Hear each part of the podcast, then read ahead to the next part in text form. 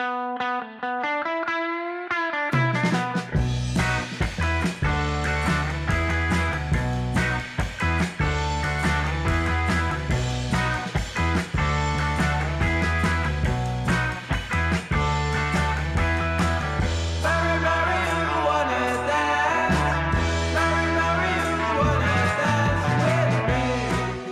Welkom bij High Tea met Dirk en Rens, een podcast over cannabis en alles wat met deze wonderbaarlijke plant te maken heeft. Mijn naam is Dirk Bergman. En mijn naam is Rens Hoppenbrouwers. Deze aflevering wordt mede mogelijk gemaakt door Seedstockers. Betaalbare cannabiszaden voor thuiskwekers verkrijgbaar op www.seedstockers.com. We hebben voor deze aflevering maar liefst twee gasten in de Tea podcast studio hier in Eindhoven. Allebei uit het Haaien Noorden. Ten eerste de legendarische, mag ik toch wel zeggen, P. Lange uit Veendam. Actief politicus, eh, partijleider, evenementorganisator, koffieshop-eigenaar, raadslid, uitsmijter. Dat is hij allemaal geweest in zijn eh, lange, eh, wonderlijke carrière. En al sinds de jaren 70 actief in de wereld van wiet en hash. Hartelijk welkom, P. Ja, dankjewel, uh, Derg. Ja, ik ben uh, P. Langen. Ik uh, kom uit Veendam. Veendam is een hele aparte plaats, want die heeft in hun gemeentewapen een wietblad. Nou, ik pleit al uh, sinds jaar en dag voor het legaliseren van de wiet. En waarom? Dan ben je van alle criminaliteit af. Dan hoeft de politie inzet, hoeft niet meer te gebeuren. En de werkvoorzieningschappen, dat zijn bijvoorbeeld, de, bij elke gemeente heb je een werkvoorzieningschap. En uh, die werkvoorzieningschappen die zouden dan die wiet kunnen kweken. Maar daar hebben we wel even over. Ja, precies. Dat lijkt me ook. en natuurlijk onze tweede gast uit Groningen is Steven Kompier. Uh, journalist, filmmaker, uh, de man achter Cannabis, de Cannabis News Network. de documentaire De Achterdeur en nog heel veel meer. Welkom Steven. Dank jullie, dank jullie. goedemiddag. fijn dat ik hier mag zijn. Ja, zeker. Echt helemaal top. All the way uh, from the high north, of course. Uh, we gaan dus diep duiken vandaag in de cannabiscultuur en de geschiedenis in uh, Noord-Nederland, met name regio Groningen. Maar P is bijvoorbeeld ook bedrijfsleider geweest van de legendarische Amsterdamse koffieshop Rusland. Daar wil ik ook nog wel het een en ander over weten. En ja, Steven, er zijn weinig journalisten, tenminste die ik ken in Nederland, met zoveel kennis van en ervaring in de cannabiswereld. Dus ik denk dat dit een topafleveringetje gaat worden. Dat denk ik ook wel. Uh, we spreken ook nog uh, het kort, het belangrijkste cannabisnieuws van deze, van deze tijd. Uh, en we kunnen natuurlijk ook nog luisteren naar andere, onze andere vaste rubrieken. Wat zit er in je joint vandaag? de oude doos, reacties van luisteraars en de wijze woorden. Dit is High Tea met Dirk en Rens, aflevering 46. Yes, we zijn er weer. We zijn weer begonnen. Aflevering 46 alweer. We zijn los. Nonnetje, dus gewoon een volle werkweek als je onze aflevering terug wil uh, luisteren. Ja, zeker. Het is uh, pittig. Maar we zijn vandaag weer begonnen en uh, met twee hele beroemde, leuke gasten. maar voordat we inderdaad daarover gaan praten, willen we weer met onze eerste of rubriek beginnen. Wat zit er in je joint vandaag?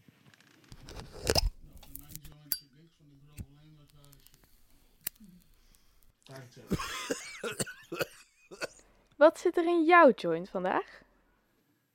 En ik weet al een beetje dat, uh, dat P uh, niet bloot, maar, maar misschien wil je het zelf ook nog even vertellen. Wat zit er in jouw joint vandaag, uh, P? Nou, ik ben gestopt met blowen omdat ik er te passief van werd. En, en ik heb last van COPD, dan zou het goed zijn om wiet te blijven roken. Maar ik rook zware check en dat geeft al ellende genoeg. ja, begrijpelijk, begrijpelijk. Hoe zit dat bij jou, Steven? Ja. Nou, ik ga ook een beetje diezelfde weg op waar P op zit met de COPD. Dat gaat niet helemaal lekker. Maar ik moet wel zeggen dat ik nog steeds wel tabak rook. Wel minder. En ik heb sinds gisteren, of nee, eergisteren weer eindelijk eens een keer een ontzettend lekker Marokje weten te bemachtigen. Kijk. En uh, die wordt dan in de, in, de, in de volksmond even voor, uh, voor de verkoop Casablanca. Maar mm. uh, dat is niet echt een plek waar het zo 1, 2, 3 gepaard groeit, om het zo te zeggen. Maar echt, het is een, een heerlijk Marokje. Absoluut. Nice. Dirk. Ja, ik heb eigenlijk nog een, eh, een souvenirtje van onze vorige aflevering van de Haiti podcast. eh, waar wij eh, natuurlijk in Frankrijk eh, zijn geweest, zoals de vaste luisteraars zullen weten. Als je die aflevering nog niet hebt beluisterd, nummer 45, eh, van harte aanbevolen. Zou In- ik zeker doen. in het Engels. eh, als je wil weten over de Franse uh, cannabis scene en de cultuur eh, met La Chanvrière, fantastisch. Zijn, een van zijn signature strains, zoals dat in het eh, Amerikaans eigenlijk zo mooi heet, is de Sunsets. En eh, die had ik toevallig nog een beetje eh, mee kunnen nemen vandaag. Klein cadeautje. En dat is, eh, ja, Rens die ziet het al. Ik zie het aan jouw smile. Ja, dat is een, een wiet waar je altijd een smile van op je gezicht krijgt. Eigenlijk een indica, denk ik toch, dominant. Ja, ja, hybride. Eigenlijk noemen ze het Ja. echt een volmaakte hybride. De actieve variant van de koes. Ja, het precies. is een skittle variant en een super up upliftende soort. Ik denk, eh, die is wel eh, op zijn plek eh, voor deze aflevering van de High Tea podcast. En tenslotte, Ja, nou ja, over, Ren zelf. over upliftende soortjes gesproken. Ik heb vandaag eh, heb ik de Amnesia Haze van de Club 69 eh, erbij gehaald. De good old Ami. Ja, omdat ik, eh, omdat ik toch altijd behoorlijk stoned word eh, van die indicaatjes. En dat eh, gaat niet echt ten goede voor mijn eh, spraakkunsten. Dus ik denk, ik eh, pak maar gewoon eens een amnesiaatje erbij. Kijken wat er Eh, dan gebeurt. Kijken of dat ik het dan wel gewoon vol kon houden. Hè? Met die Red Bull erbij. Oh my god, Precies. luisteraars. Dat gaat wat worden vandaag. Wel een karafje water erbij om te spoelen. Dus eh, geen probleem jongens. Ik luister naar mijn tandarts. Dus, eh, maar in ieder geval, dan weten we allemaal dat we aan het roken zijn. Ik hoop dat ook de mensen thuis of die aan het luisteren zijn ook iets lekkers aan het roken zijn. Laat het ons ook een keer weten wat je aan het roken bent zelf tijdens de uitzending. Ook wel grappig. Maar we gaan verder naar onze volgende rubriek. Het nieuws.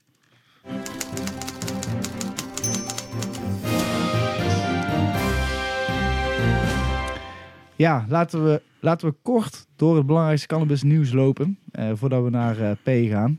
Eh, te beginnen met het overlijden van een belangrijke Amerikaanse cannabisactivist Eddie Lab.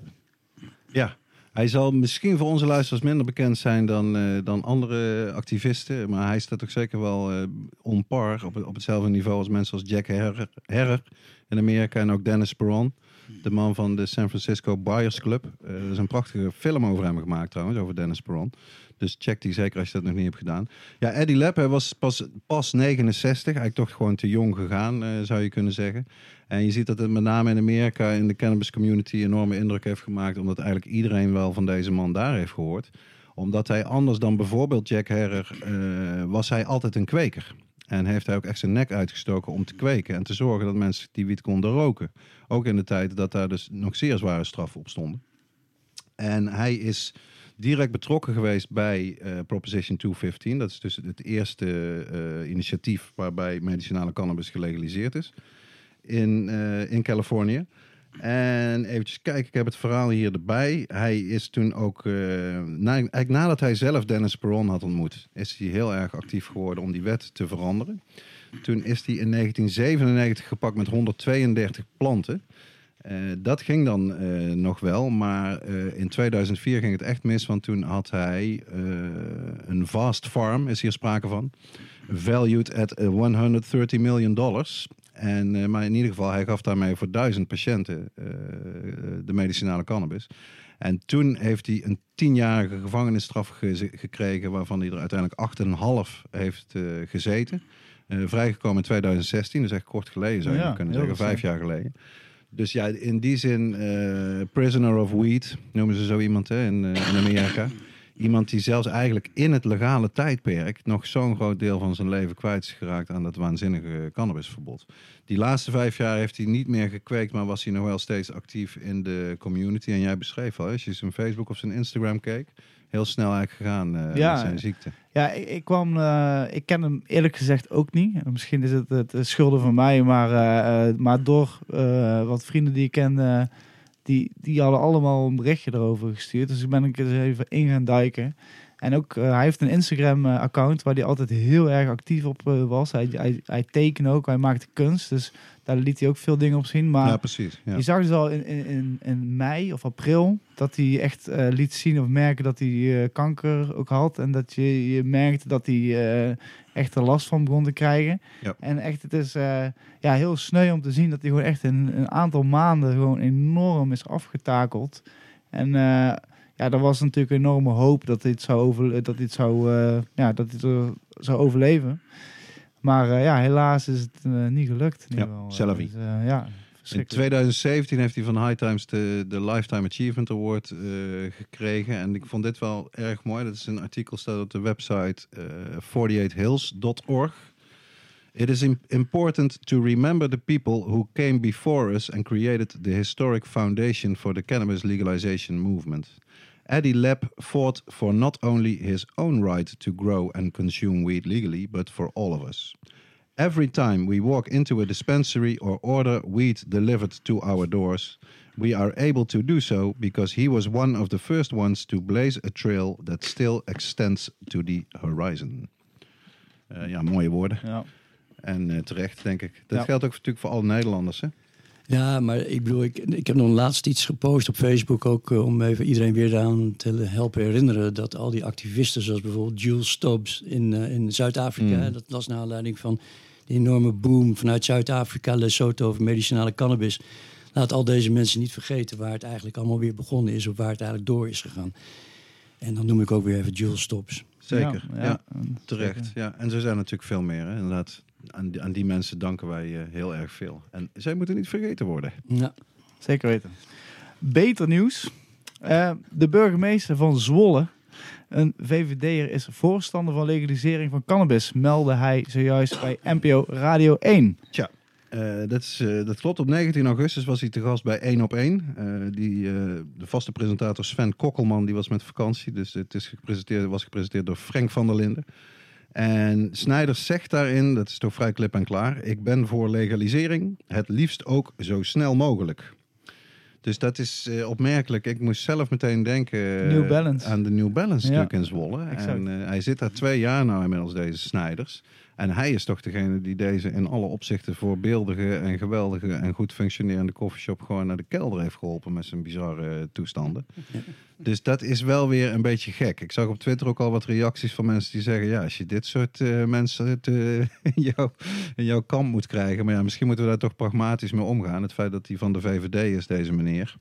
Mag er toch dan hopelijk op wijzen dat hij ook met zijn partijgenoten daar eens over praat. Zodat die eens eh, kunnen move op dit onderwerp.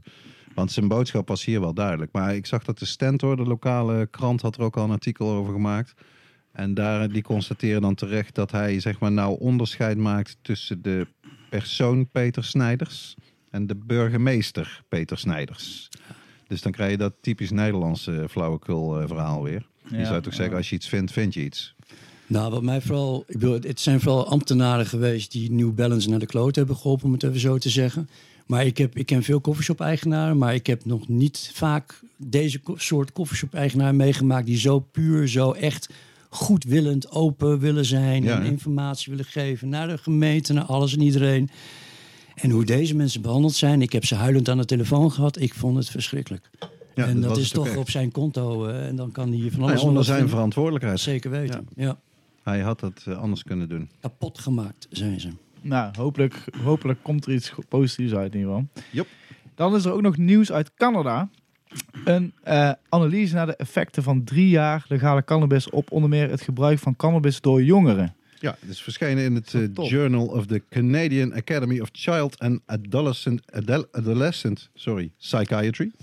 Met eh, de titel, ja, die zegt het eigenlijk al meteen in het Engels: Youth Cannabis Use and Legalization in Canada. Reconsidering the fears, myths and facts three years in. Dus dit is inderdaad een zeer uitgebreide analyse van al die statistiek die er keurig wordt bijgehouden natuurlijk in Canada. Hoe zit het met de impact dus op het gebruik onder jongeren is niet gestegen? Hoe zit het met de impact op aantal verkeersongevallen waarbij cannabis de doorslaggevende rol speelt? Is niet gestegen. Het is eigenlijk aan alle kanten eh, blijkt dat de angsten die er van tevoren waren bij tegenstanders van legalisering, daarvan kan je dus drie jaar later zeggen, nou dat, dat is dus niet gebeurd. The sky hasn't fallen, zeggen ze dan in het, eh, in het Canadees erbij. Dus dat lijkt me aan alle kanten goed nieuws. Er staat een eh, korte samenvatting van, de, van die analyse op eh, de website cannabisindustrie.nl. Ga daar vooral kijken. En, en, de zwarte markt, is daar ook iets over gezegd? Eh, bedoel, dat een- staat ongetwijfeld beetje- er ook in. En wat je eigenlijk ziet, want eh, ja, dat hou ik zelf natuurlijk ook eh, goed bij, is dat het, eh, het aandeel van de legale markt blijft langzaam stijgen. En daarmee blijft het aandeel van de zwarte markt dalen. Maar die zwarte markt heeft nog steeds wel een aandeel. En daar kom je dus, en dat is meteen weer zo relevant voor Nederland.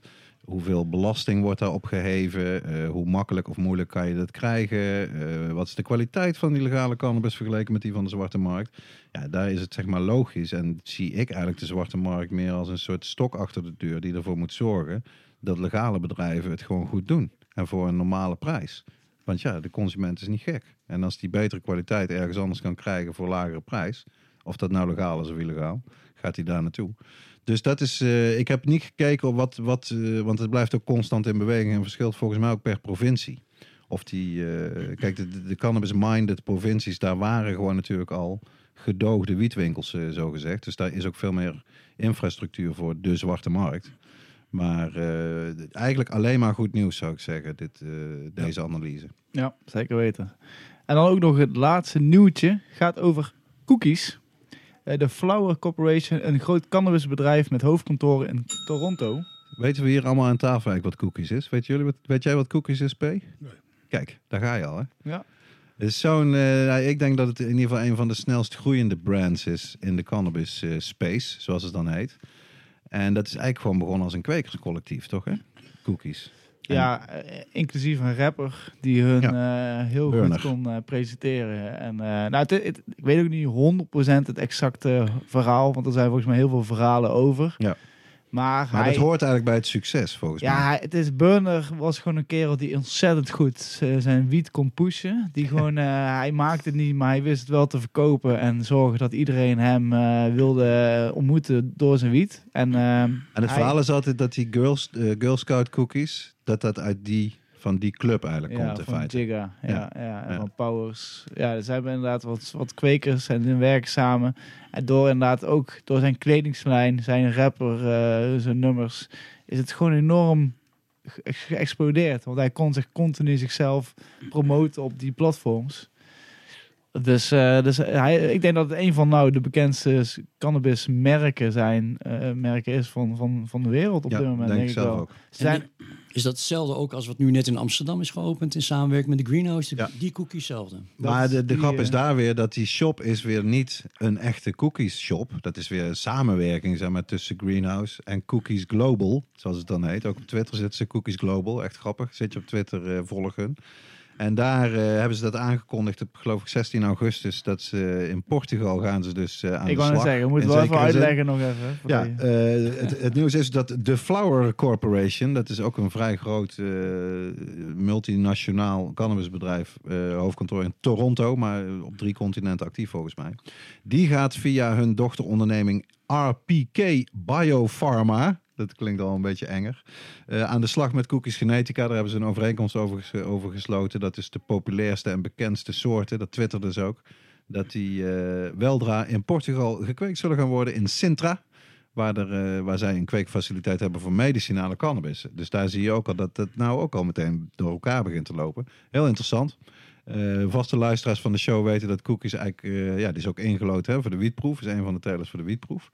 En daar gaat het eigenlijk ook om een license deal. Hè? Ja, dit- is, dat is dit is heel ook. apart. Het zijn dus vier nou verschillende bedrijven die dezelfde naam cookies eh, vo- voeren. Je hebt inderdaad de Greenhouse, die dus cookies vormen. Die hebben dus een soort lounge met hun geopend. Je hebt de Green Lane, een Europese eh, groothandel die dus hun eh, merchandise en kleding eh dergelijke Want doet. daar zijn ze ook heel sterk in. Het is echt niet alleen maar de, de superieure wiet. Want het is, dat begrijp ik ook wel van iedereen. Het is ook echt goede wiet. Maar vooral inderdaad het hele coole logo. Iedereen wil erbij horen. En dan inderdaad die merchandise op topniveau. Super slim. branding. Ja, Ja. het is gewoon perfect. Ze hebben dat zo slim gedaan. En, eh, maar dan is er dus ook nog een is Israëlisch bedrijf die in de wietproef zit met een cookies, cookies eh, met genetica. cookies eh, een merknaam. En je hebt dus nou het Portugees bedrijf die dus cannabis, cannabis gaat kweken, ook voor cookies. eh, dus, En vlak voor deze opname zag ik zelfs een eh, nieuwsbericht voorbij komen dat Jersey, het, het Oh, Britse eiland, dat die ook een exclusieve license deal met cookies hebben gesloten, zodat zij ook in hun kweekfaciliteiten met de genetica van cookies aan de slag kunnen. Dus ik weet niet of dit misschien eh, op een gegeven moment in elkaar gaat storten als één grote eh, wietbubbel. Of het wordt, eh, ja, de- Ja, cookies wordt de eh. Coca-Cola misschien van de wiet. Het is gewoon zo, kijk, ze willen natuurlijk wereldwijd en ze gaan gewoon op Ja. zoek naar de beste kwekerijen die hun genetica kan kweken. En die geven dan hun toestemming om hun merknaam, eh, ja, qua eh, ex- expansie is het weer fenomenaal natuurlijk. Want Ja.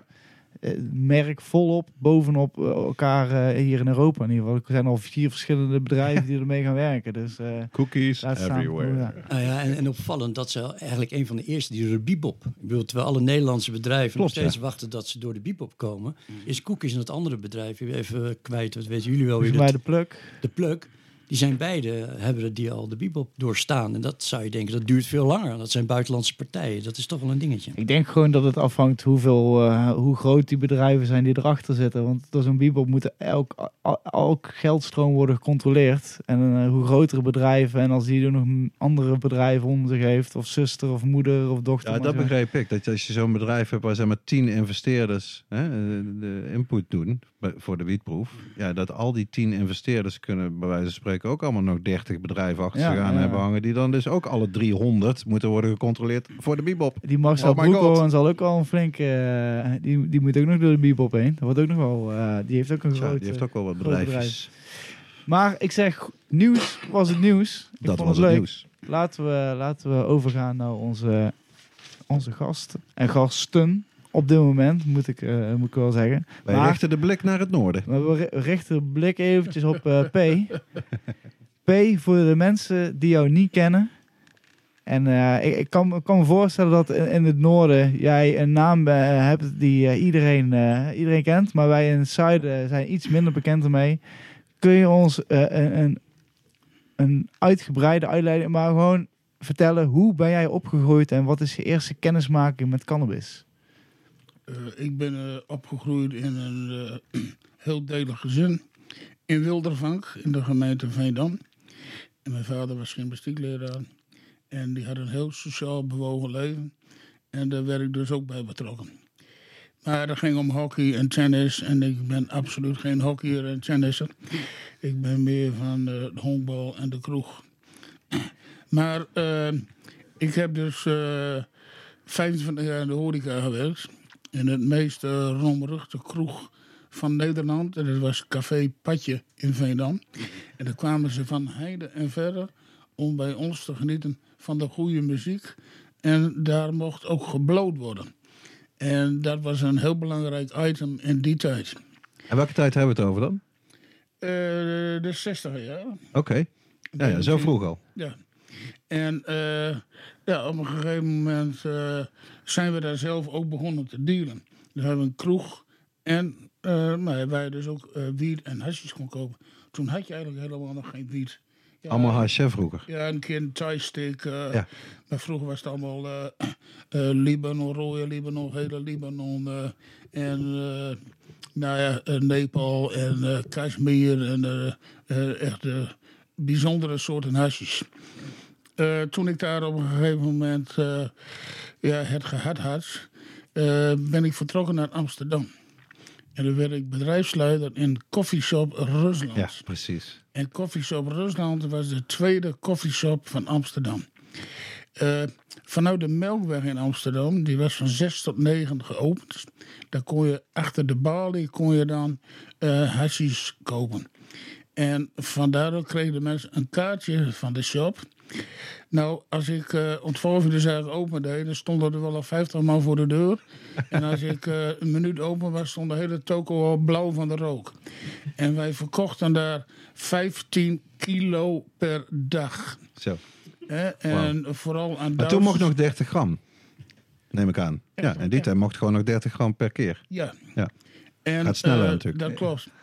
Waar maar was wij verkochten daarentegen ook eh, kilo's aan Duitsers. En Ja, zeg maar export special. Ja, er kwam zelfs een Amerikaan. Die kwam elke maand kwam die, eh, met zijn, eh, in zijn rolstoel. En had hij speciaal een ruimte gecreëerd waar precies drie kilo hashish in, kon. Nou, die werden, werden dan door ons dan ingepakt. Helemaal geurvrij natuurlijk. En eh, nou ja, na een half jaar heb ik hem niet weer gezien. Toen hoorde ik een jaar later dat hij dus wel opgepakt was. Helaas. Nou ja, Jammer, en ja. er kwamen heel veel mensen, uit de hele wereld kwamen daar. Want op straat werd hashish verkocht door die straatdealers. Maar dat was gewoon teer. Was, dan deden ze net of het hashish was en waren warm. En, oh, oh, oh. En, eh, Maar toen, kwam- dan kwamen ze bij ons en wisten ze pas wat echte hashish was. Nou, dat, was Bestaat echt- nog steeds ook, hè, Rusland. dat bestaat nog steeds, ja. Het zit op het Ruslands in eh, Amsterdam. Ja, de naam is hetzelfde als de straatnaam. Ja. Ja. Erg makkelijk. En eh, toen uiteindelijk eh, heb ik, hebben we daar een inval gehad. En toen werd ik een beetje paranoia. Toen heb ik een paar kilo hashish achter in de auto gegooid. En toen ben ik vertrokken naar Doetinchem. En daar ben ik begonnen om daar eh hashish te verkopen. Waarom Doetinchem? Ja. Ja, daar had ik een vriendin wonen. Oké, dat is altijd een goede reden. Ja, Ja. maar die vriendin zag mijn activiteiten niet zitten. Maar ik had wel dezelfde avond had ik al een vlekje daar. Ook bij iemand in. en eh, nou ja, eh, op een gegeven moment, eh, mijn beste klant was de drummer van Normaal. Brekken Jan Schampschort. Jan Manschort. Die kocht elke dag kocht die voor 100 gulden hashish. Hoppatee. En- Weet je ook nog, had hij een speciale favoriet? Weet je Ja, dat de? Marok, hè, de Marok. Dr. Marok gewoon. Ja. En eh, nou ja, toen eh, eh, had je daar ook mensen die, die smokkelden naar Duitsland. Dus dan ging ik naar Amsterdam om weer een paar kilo op te halen. En dan werd dat weer eh, door mij verkocht en dan werd het naar Duitsland gesmokkeld. Maar daar had ik op een gegeven moment ook wel gehad. Toen ben ik weer teruggegaan naar Veendam. En daar heb- ben ik weer in die kroeg terechtgekomen, Café Patje. En nou ja, daar zijn we toen ook weer begonnen met hashverkoop. En dat liep ook als een tierenlier, want ze kwamen uit, uit- uit heel Noord-Nederland, waar wij de eerste waren die verkocht. Wat was dat eigenlijk een kwestie dat je dat eh, dan in Amsterdam bij de weinige shops die er toen pas waren ging kopen? Of had je wel een soort eigen direct contact? Of eh, hoe moet ik me voorstellen, die inkoop toen? Iedereen die, eh, die bloot wel, hè, want er waren heel, veel blowers toen destijds. Maar je kon het eigenlijk nergens zo goedkoop en zo Ja. grote hoeveelheden ko- kopen als dat ik het verkocht. Mhm. En eh, nou ja, daar heb ik dan nog weer jaren gewerkt. Toen ben ik op een gegeven moment eh, daar weggegaan en toen ben ik in de handel gegaan. Toen eh, ben, ik, ben ik in Assen komen wonen.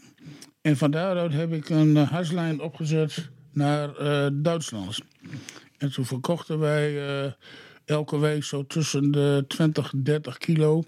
En op een gegeven moment zaten we op 100 kilo per week. Wauw. Maar eh, toen had je een eifersüchtige Duitser, zeg maar jaloerse Duitser, en die heeft ons gewoon verlengd. Aha. En dat, dat, dat impliceerde dat eh, wij een politieinval kregen.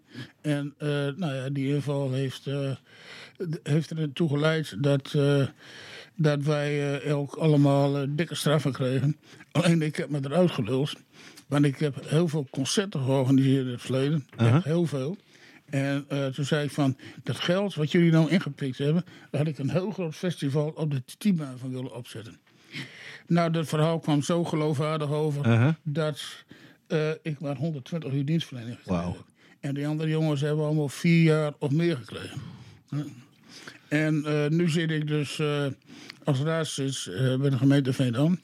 En hebben we steeds over werkgelegenheid.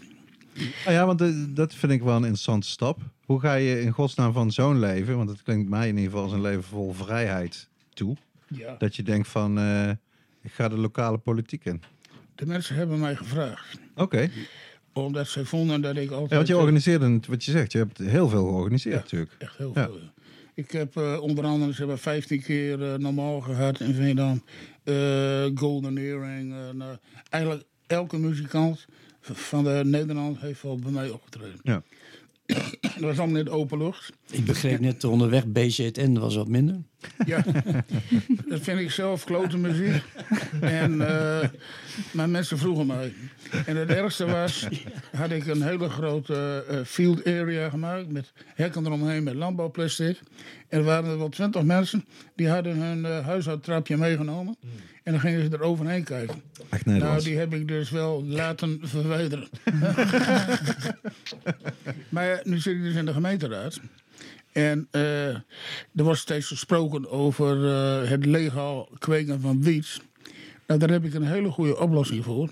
Want we hebben allemaal WSW-bedrijven, werkvoorzieningschappen. Die eh, werkvoorzieningschappen kosten bijvoorbeeld de gemeente Veendam 27 miljoen op jaarbasis. Want daar werken ook 1500 man of zo. Mhm. Dat zijn allemaal een beetje de nou, mensen die buiten de reguliere arbeidsmarkt eh, eh, zitten. En heb ik voorgesteld binnen de gemeente. Laat ze maar een grote fabriekshal. Helemaal vol stouwen met wiet. eh, zonnepanelen op het dak. En dan die mensen die wiet laten kweken. Dan levert dat in plaats van 27 miljoen wat het kost. Meer dan 27 miljoen op. Ja. En daar doen ze een beetje sceptisch over. Nu zijn er dus in Veendam initiatieven genomen, of in, in provincie Groningen, dat ze dus eh, bepaalde kwekers, dat ze legaal willen laten kweken. Maar dat zijn maar een paar man en die zullen daar waarschijnlijk erg rijk van worden. Maar het gaat mij erom dat het wel legaal verbouwd wordt. Door wie maakt me niet uit. Maar eh, het zou het beste zijn als die werkvoorzieningschappen dat zouden doen. Ja. Want dan hebben wij als Nederlanders eh, hebben wij daar ook heel veel aan. Mhm. Want die 27 miljoen alleen voor de gemeente Veendam, dat zal in de, heel Nederland gaat, zou het om miljarden gaan. In die business gaan er ook miljarden om. Ja. Dat is mij bekend, dat is jullie bekend. En dan ben je ook van die criminaliteit af. En dan zeggen ze wel, ja, maar dan komen ze daar rippen. Nou, als jij de spul goed beveiligt, gebeurt er niks. ja, dat vind ik ook altijd een beetje een flauw argument. Weet je wel? Ja, Als Ja. jij een vrachtwagen hebt met, eh, met computers, met laptops, iMacs of weet ik veel wat, dan, dan, dan moet je ook niet zeggen van ja, dat kan niet, want er wordt geript en er komen men- Nee. Als je legaal maakt, dan kan je gewoon normaal beveiligen en normaal verzekeren. Ja. En eh, het is juist best een lastig product in feite. Hè? Je zou Mhm. precies moeten weten wanneer je wat moet halen, et cetera. Ja. Hoe, hoe kijk je dan naar, oh, ja, je- hoe kijk je dan naar het wiet-experiment in zijn algemeen? Gewoon? Zie je dat het wel gaat lukken? Zie je dat, eh, of vind je het gewoon Eh, bekrompen? Er is wel sprake van dat ze ermee bezig gaan. Maar eh, ze doen het lang niet in een rap tempo. Dat zou gewoon eh, goed onderbouwd moeten worden. En onderzocht moeten worden door kenners. En die kenners die moeten dan de politiek advies geven. Ik heb ooit een keer een heel eh, verslag geschreven. Waar ik bij de VNG, Verenigde Nederlandse Gemeenten. Er was een vergadering in Utrecht. En dat had ik heel goed voorbereid. Kom ik in de buurt van de Veluwe, sla de hele bovenleiding van de trein eraf. En ik kon daar niet terechtkomen. Oh man. Maar anders had ik eh, voor de hele, al die burgemeesters Ja. eh, van Nederland, had ik dat hele plan zo kan en klaar in kunnen dienen. Mhm. En dat was heel goed onderbouwd hoor, ook financieel. Want het is toch van de sorte dat eh er maar een paar man goed aan verdienen. En dat wij als Nederlanders er helemaal niks aan hebben. Terwijl er het meeste geld van alle producten in Ja. Nederland in omgaat. Ja, want ik denk dat je dat ook nog wel kan concluderen. Ja. Ja. Ja. En je had de hele lokale media klaarstaan. Iedereen stond klaar om jouw betoog te horen. Ja, eh, gebeurde dit. Ja, dat was pech. Ja, ik had eh Rutger Kastikum van Pounds, waar ik heel goed mee bevriend ben. Die had ik ook, die was ook eh, daar in Utrecht. En nog een paar media eh, magnaten. Maar helaas, het mocht niet baten. Nou, in het noorden gebeurt natuurlijk wat betreft experimenten. We hebben nu Kwati, die, eh, die in Stadskanaal, maar die zouden in Groningen gaan kweken. Wat ze ook in de kranten, Westpoort en noem maar op. Maar dat is allemaal niet doorgegaan.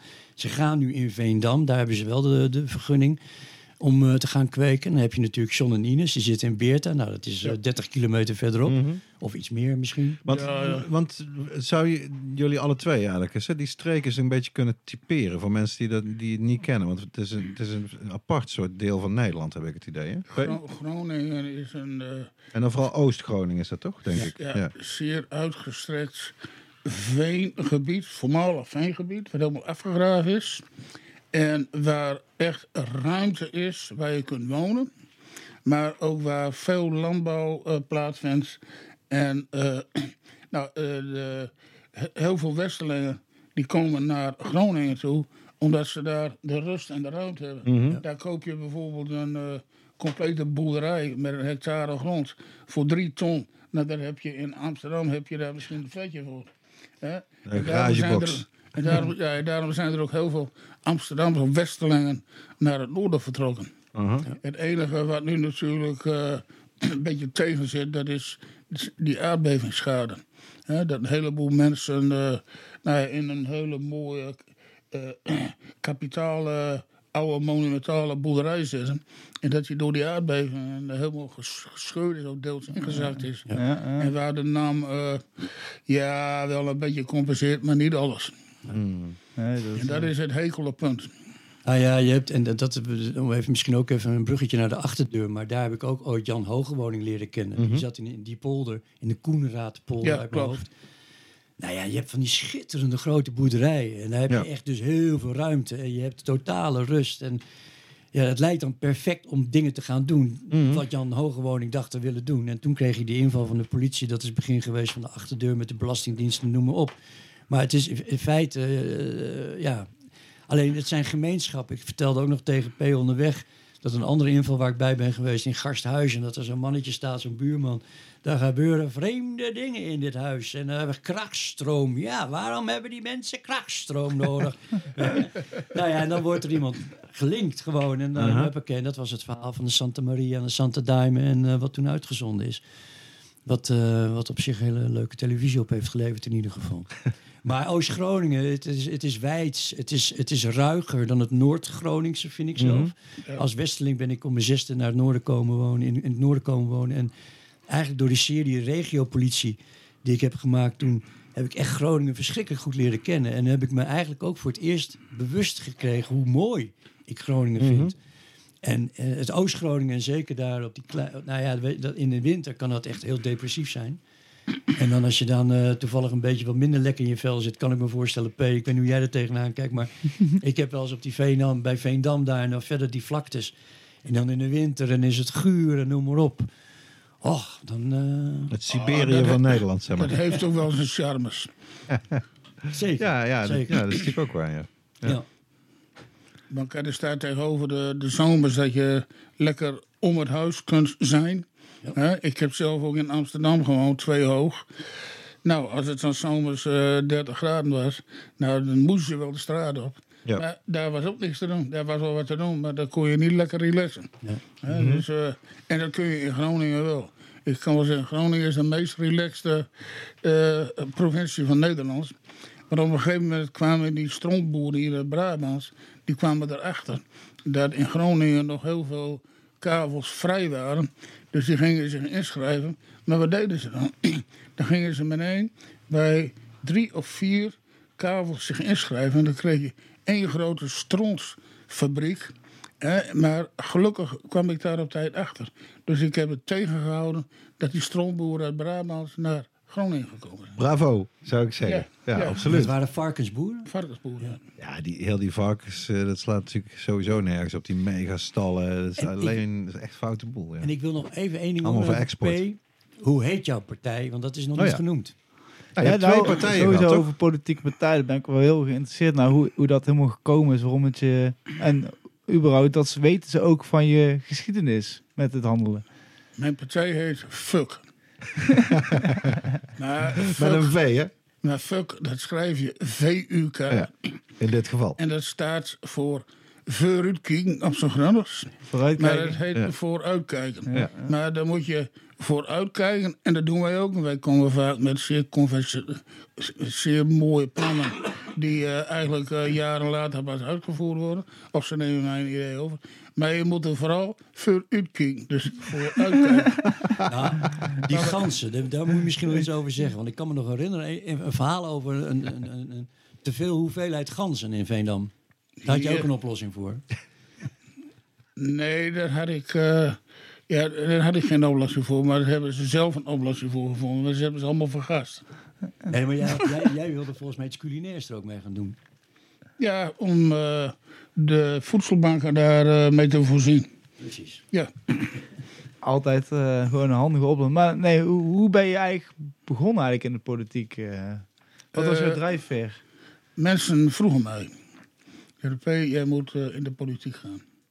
En toen ben ik in 1990 ben ik begonnen met partij P. Nou ja, en daar staat ik een P in de vorm van zo'n P van het betaal, eh, parkeerbord.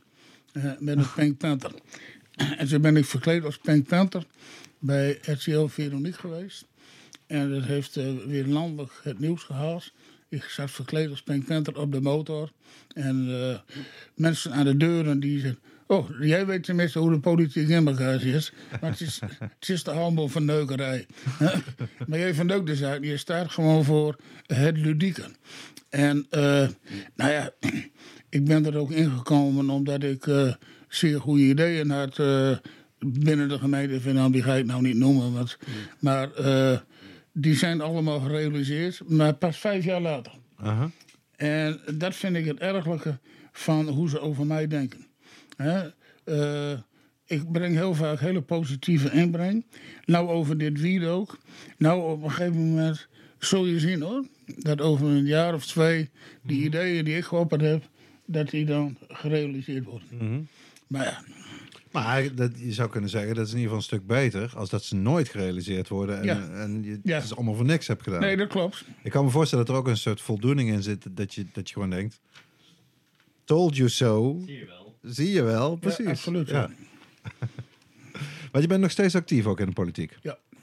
Ja, want ik heb toch, ja, zelf heb ik natuurlijk meer vanuit VOC met landelijke politiek te maken. En eh, wij hadden hier deze week onze adviseur, eh, meester John Rozen, over de vloer. En wij deelden allebei wel toch ook een soort gevoel van malaise als je naar de politiek kijkt. Het is allemaal zo weinig eh, kwalitatief. Het duurt allemaal zo ontzettend lang. Die formatie, dat gedonder, elkaar uitsluiten. Het is onder een half jaar geleden dat we hebben gestemd. Er is nog geen begin van een nieuwe regering. Ja, dat vind ik hoe, ook. hoe, hoe hou je, hoe hou je, is, dat, is dat lokaal dan heel anders? Of? Lokaal gebeurt het altijd vrij snel. Dat je Ja, tot, ja, tot, een, tot een nieuw college van BWW komt. Maar eh, Maar de frustratie, hoe ga je daarmee om? Want het zal toch lokaal, eh, ja, zal er ook genoeg frustratie zijn over. Wat, Ja, nou ja, wat je zegt, het duurt pas vijf jaar later komt het dan.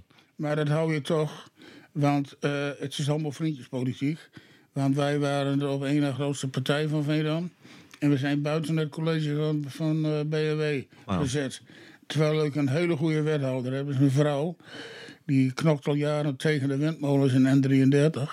Er is zo- zoveel overlast. En die hadden een, een, een actiegroep tegen de wind N33. Die zijn voor het gerecht geweest en ze hebben gewonnen. Maar toch zetten ze ze er neer.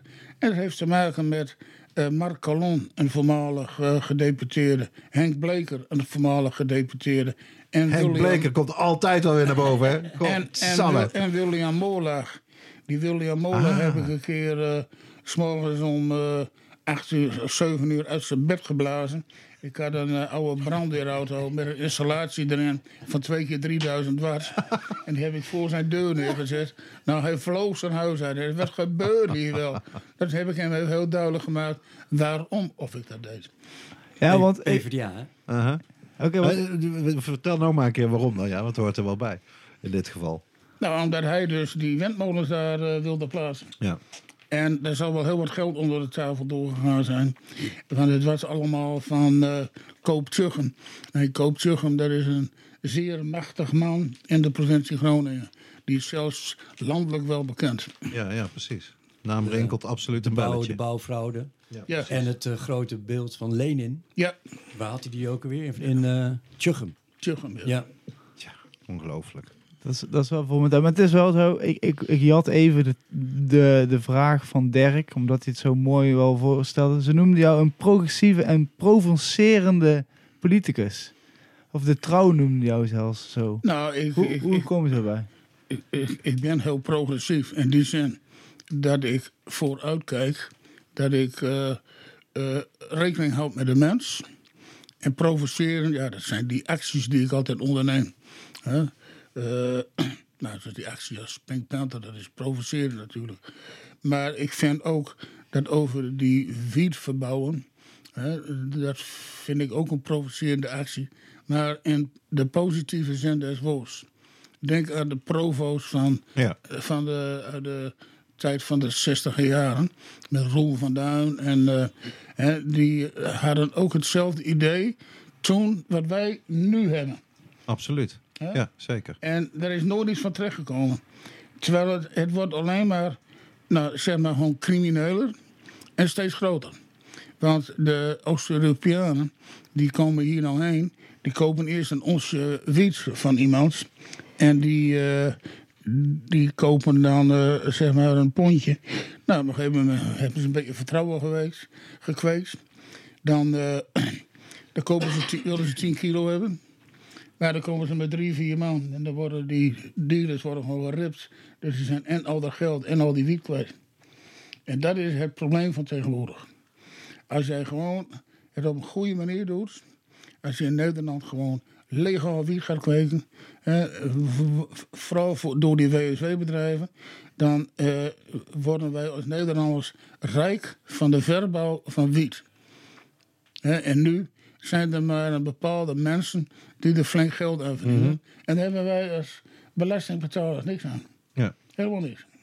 Nou ja, behalve de belasting die de koffieshops nog betalen, Ja, zou je ja, kunnen zeggen. Maar het hele teeltgebeuren, nee, die betalen geen cent belasting. Nee, ook de komende vier jaar met het experiment ze klopt. geen belasting en Nee, geen accijns. Geen BTW, eh, want het is nog steeds illegaal. Ja, dus het is ongelooflijk Absurd. dat ze Maar- dat laten liggen eigenlijk. Ja, eh. En al zoveel jaren. ja. Hoeveel geld? En even aanhaken wat P zegt. Het is inderdaad wat ik ook de laatste tijd steeds vaker hoor. De, de agressie, de agressie en, en het geweld wat Ja. gebruikt wordt bij het rippen, dat is echt niet normaal. Ja. Ik hoorde de afgelopen week in, in Friesland verhalen over mensen, gewoon gangs, Oost-Europees inderdaad, die gewoon kwekertjes opzoeken en die rippen. En vervolgens kennen iemand die, die dat doet die, en het niet meer doet. Maar omdat ze de, een gerucht ging dat er bij hem wat te halen was, heeft hij gewoon al zijn deuren opengezet om te laten zien: ik heb hier niks, ik heb hier niks, dus kom hier niet. Ja. Maar in Noord-Holland, om maar een voorbeeld te noemen, is ook een man van in de 50 helemaal verrot en kapot geschoten, zwaar gewond afgevoerd. Vervolgens vinden ze een wietkwekerij. Zijn pand wordt dichtgegooid. En, eh, en eh, hij ligt nu nog steeds in het ziekenhuis. En, eh, Echt afschuwelijke toestanden die gewoon politici hebben dit Ja. gecreëerd Nou ja, en, en- laten het voortbestaan. En het laatste Ja. nieuws in Groningen natuurlijk, dat er een achterdeurooverval is geweest. En eh, achteraf blijkt dat dat van twee koffieshops, Rijkjevik en de Vliegende Hollander, dat is nu al bewezen. Die zijn gewoon dicht gegaan, hè, de die volgende zijn dag. dichtgegaan. Want ze hadden geen wiet meer. Die heeft de politie namelijk meer. gestolen. Precies. En nou is natuurlijk wel de vraag, hebben ze, dan maar, 2021. hebben ze dan maar één stashplek? Want dat is natuurlijk ook nog een ding waar je het dan over kan hebben. Want Ja, dat ja. is inderdaad het gerucht dat inderdaad ze waren leeg. En dat is natuurlijk bizar. En dan heb je helemaal... Dan, die overval, die, ik weet niet, dat schijnt ook nog wel wat te gebeurd te zijn. Maar ik heb daar wat buurtonderzoek gedaan. Ik heb niets gehoord van buren die iets gehoord hebben. Dus Mhm. het blijft een beetje gek. Maar ehm, wat ik begrepen heb, is dat er dus werkelijk met behoorlijk wat geweld een overval gaande was. Vervolgens de politie gebeld is. Nou ja, dan denk je, die politie die doen wat met die, met die, met die daders, maar die lopen nog vrij. Vervolgens trekken ze die hele achterdeur leeg. Terwijl je dan ook kan denken van ja, maak een afspraak met die koffieshop-eigenaar. Ga even overleggen hoe je dat gaat doen. Je weet dat de koffieshop dit soort dingen plekken heeft. Maar daar wordt dan niet naar gekeken, omdat OM gewoon in de volle aanval is. En daar kan de burgemeester dan nog wat van vinden. Maar ja, die wordt dan gewoon overruled door de hoofdofficier. Tja, echt tragisch eigenlijk. Hè? Ja, En het blijft gewoon doorlopen op die manier. ze zijn inmiddels weer open, dus dat is weer positief. Oké, toch ergens iets vandaan kunnen toveren. Ja. Hey, eh, ik heb, eh, P, ik heb van Marcel Proust, de gekende Franse schrijver, heb ik drie vragen gepikt uit een vragenlijst die jij gebruikt om eh, mensen een karakter eh, goed te, te tekenen. En die wil ik eigenlijk ook aan jou eh, stellen. En de eerste daarvan die luidt, wat is jouw meest typerende eigenschap?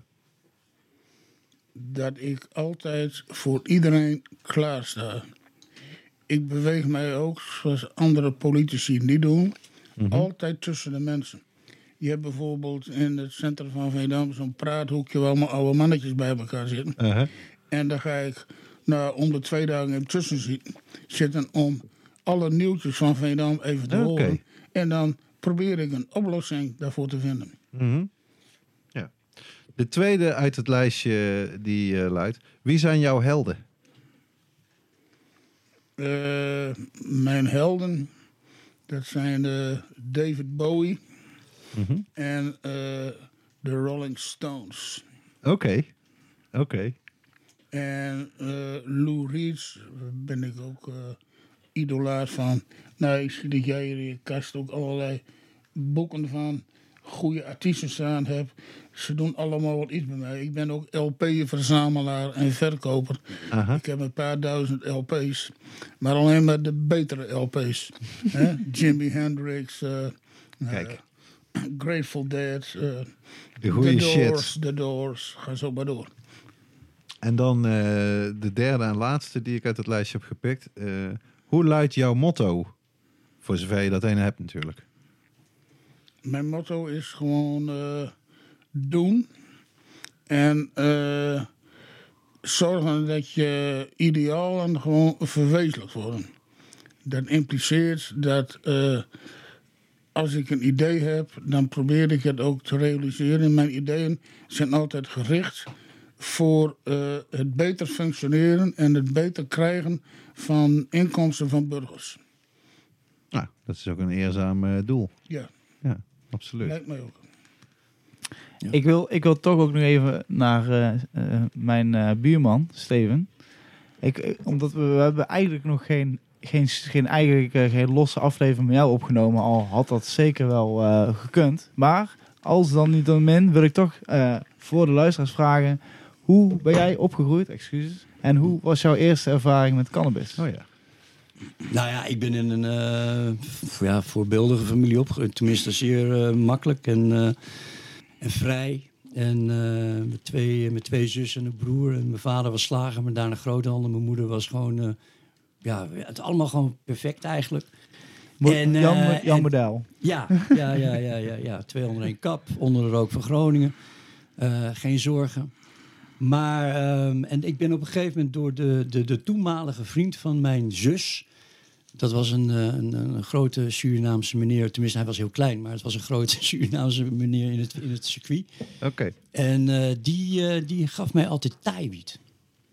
En daar was, dat was mijn eerste aanraking met, eh, met, eh, met wiet. En, en daarna ook wel hard. Echte sativa dus toch? En ik ging ook nog, eh, ik ging ook daarna bij Vera, waar, waar, waar P ook dingen heeft gedaan. En daar werd nog met tasjes, Vera, het jongerencentrum, het poppodium van Groningen, waar de Cure en... en de melkweg van Groningen, Koert- zeg Koert- maar. Koert eh, ja. Ja, ja, ja. ja, dat is echt een, dat is wel een. Effenaar van Groningen. Maar ook Jannes van der Wal, want die zat daar altijd te Oh, ja. eten. Want je had daar namelijk ook een, een, een hoe heet het, een, een Mensa. De bekende dammer Ja. Jannes van der Wal. Ja, ja, ja, ja. En dan zaten Wel we een daar geweldige kerel was in de grote zaal te eten. En dan werden die tafelstoelen weggehaald. En er was in één keer een poppodium. En daar kon je gewoon bij het tasje, daar zat iemand met een tasje. En dan kreeg je de hasje in, in, in Ja. een stukje folie kreeg je dan. Klopt. En eh, in rode had je ook al wat pentastoma. Dat Ja, je, je, misschien je, ook noemt, wel. wel. je noemt het even heel snel, maar dat is natuurlijk toch wel weer mooi. Daarom is, is het ook heel interessant dat jullie met die noordelijke blik het idee van de huisdealer. Want dat is toch even, we zijn nog niet toe aan de oude doos, maar het is toch de moeite waard om even uit te leggen.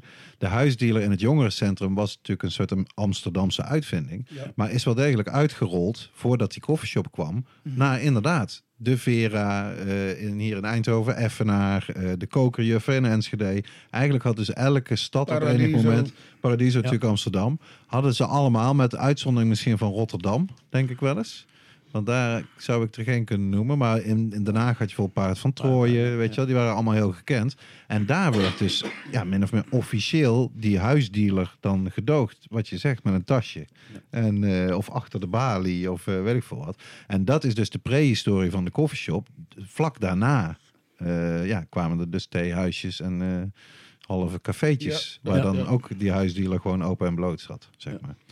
Nou, en voordat ik journalistiek of televisie, ja, journalistiek, ik ben eigenlijk journalistiek, ik ben meer te, programma maken, televisie maken en wat journalistieke dingen. Ehm, maar voordat ik dat deed, heb ik bijvoorbeeld eh, achter, een, eh, achter de bar gewerkt bij Coffeeshop Scorpio, wat er toen in Groningen was. Ik en, weet eh, nog. En, eh, en, en de eigenaren daarvan, dat ga ik nu ook zeggen, maar daar had ik me op dat moment, ik was naïef, ik was weer bleu, weet je, ik kwam net om de hoek kijken. Nog nat achter de En oortjes. ik had altijd kasttekort. Ik denk, hoe kan ik nou altijd kasttekort hebben? En ik tien keer nadenken, nog eens een keer en weer kasttekort. En toen bleek dat een van die eigenaren, die had gewoon een groot kookprobleem. En die zat gewoon die boel leeg te halen. En ik, gaf de, ik kreeg de schuld daarvoor.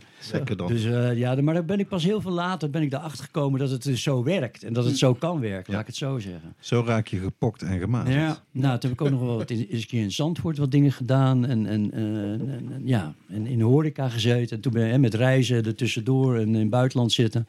En toen ben ik televisie gaan maken. Nou, die series die ik allemaal heb gemaakt in het verleden van regiopolitie, waar ik dus die oprollen van die wietkwekerij en dat bleef hangen. Mijn vriendin werkte toen bij Coffeeshop Metamorfose. En dat belastingverhaal, dat bleef hangen. En toen ben ik begonnen echt in 2012 specifiek op het cannabis te focussen en daar te specialiseren. En sinds die tijd eigenlijk Ja, wa- want dat belastingverhaal, voor, voor de mensen die dus inderdaad niet, kennen, dat is echt wel een heftige eh, gebeurtenis geweest. Die bewaren we eventjes voor eh, de oude doos, hè? Want ik, ik heb hem hier ook liggen. Ja. Oké. Die hebben we voor Nou ja. vandaag in de oude doos. En wederom, De achterdeur docu van Steven uit Eh, 2012. Dat ging dus over de belasting. eh, Exactly. dat- Ja, ik prachtig verhaal. Ja, dus dan, die eh, komen... in Groningen hadden Blijf we luisteren, luisteraars. Dan krijgt u dit verhaal in de oude doos. we hadden het voor elkaar in Groningen. Ja, Het was precies. geregeld. Alles was geregeld. De shops, de kweek, de belastingen. Maar toen. Maar inderdaad, dat, Nee, eh, dan die vraag houden, verder dan. eh, en die houden tot de de oude doos. Precies, van politiek.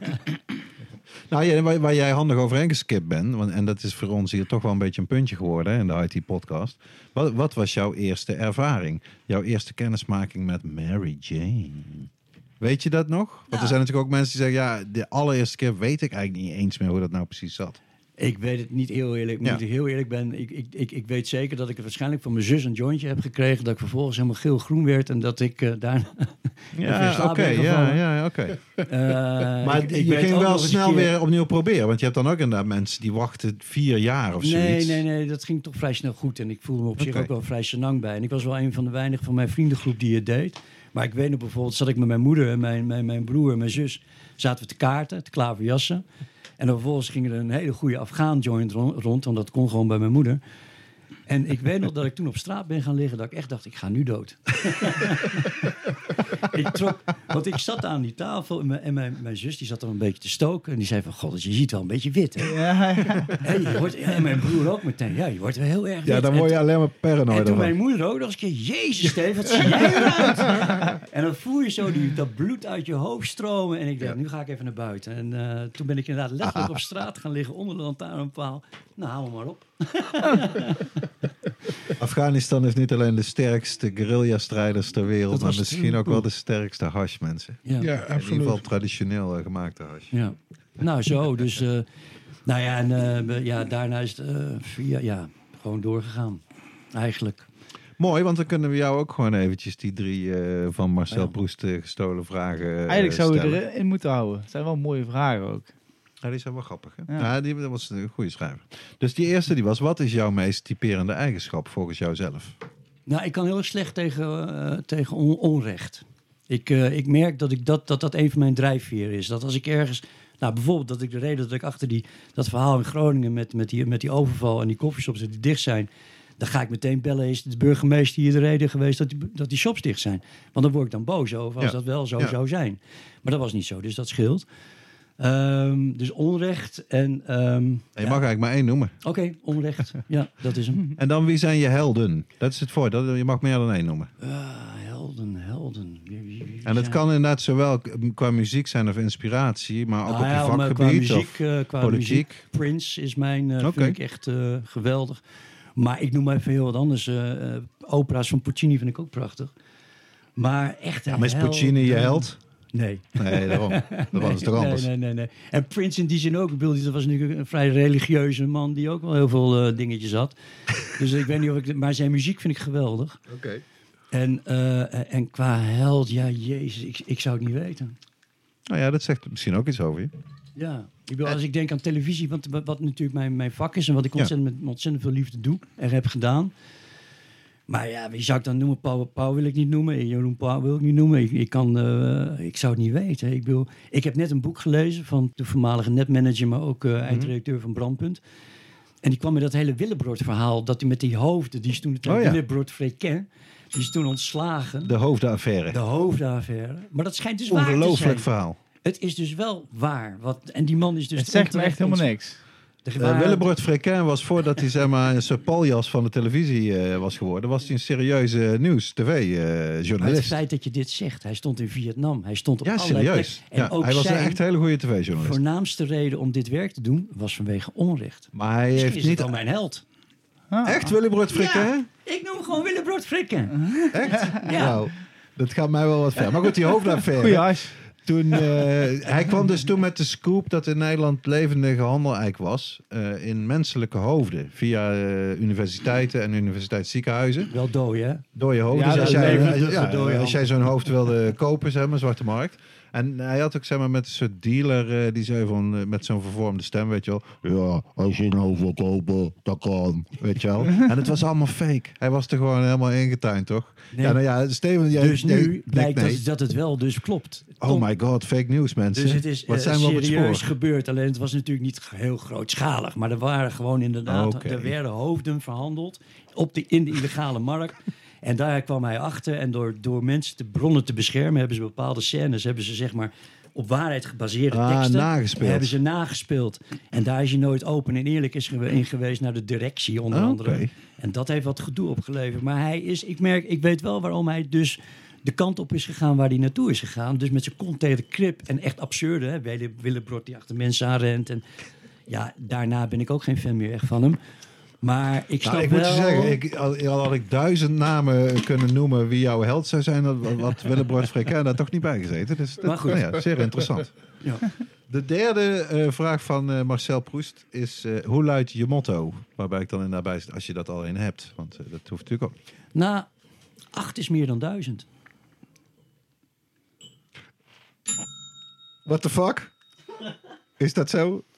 Verklaar u nader. Nou ja, acht hebben is meer dan duizend ge- euro, euro, wat dan ook. Acht is meer dan duizend. Ja, ik, ik vat hem nog steeds. Hij is te diep voor mij. Hij Is dat diep. een Gronings uh, onderrondje? maar, eh, als je nu eh, acht hebben voor iemand, dat Acht is hebben. meer... Ah. Oké. Oké. Ja, dat- oké. Wat mooi. Dat is een mooi motto, ja.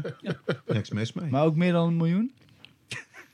Nou, daar gaan we even over nadenken. Het- ik weet in ieder geval op het bord, wat bij ons, bij ons boven, het, boven de deur hing, was dit wat erop stond. Ja, ah, oh, oh, eh, Ja. mooi. Ik heb nog één, eh, één dingetje waar ik van P eigenlijk nog wel meer over eh, wilde weten. Dat heb ik namelijk van jou eh, weer gehoord, Steven. Dat jij op enig moment een koffieshop had die eigenlijk een, een soort combinatie was tussen een kroeg, een snackbar en een koffieshop. Ja, ik was... eh, Dat lijkt me echt een winning combination. Breng mij er nu heen, alsjeblieft. dat, was, eh, dat was in Zuidlaren. Ik ga eerst Bekend een van Berend Botje, toch? Ja. Ik had eerst eh, samen met een paar jongens een eh koffieshop in eh Veendam. Dat heette De Regering. Daar hadden we op de pui stond ook een, eh, een airbrush van Jacques Chirac. Daar ging zijn hele dak eraf met een Met De Franse ex-president, die Ja. inderdaad eh, de nagel aan de doodskist was over coffeeshops. Geweldig. Chirac, ja. En eh, toen zijn wij van daaruit eh, een koffieshop begonnen in uh, Zuid-Laren. Maar daar zat een kroeg. En toen hebben we die kroeg gewoon open gehouden. Die cafetaria ook.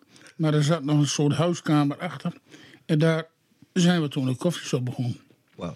En eh, ja, dat eh, heeft op een gegeven moment geresulteerd in dat die jongens die met me samenwerkten, die hebben dat spul gekocht. En toen hebben ze alleen de koffieshop ervan gemaakt. En voor de rest, eh, die koffieshop bestaat nog, maar ik heb me daaruit teruggetrokken. Maar het was een gouden formule.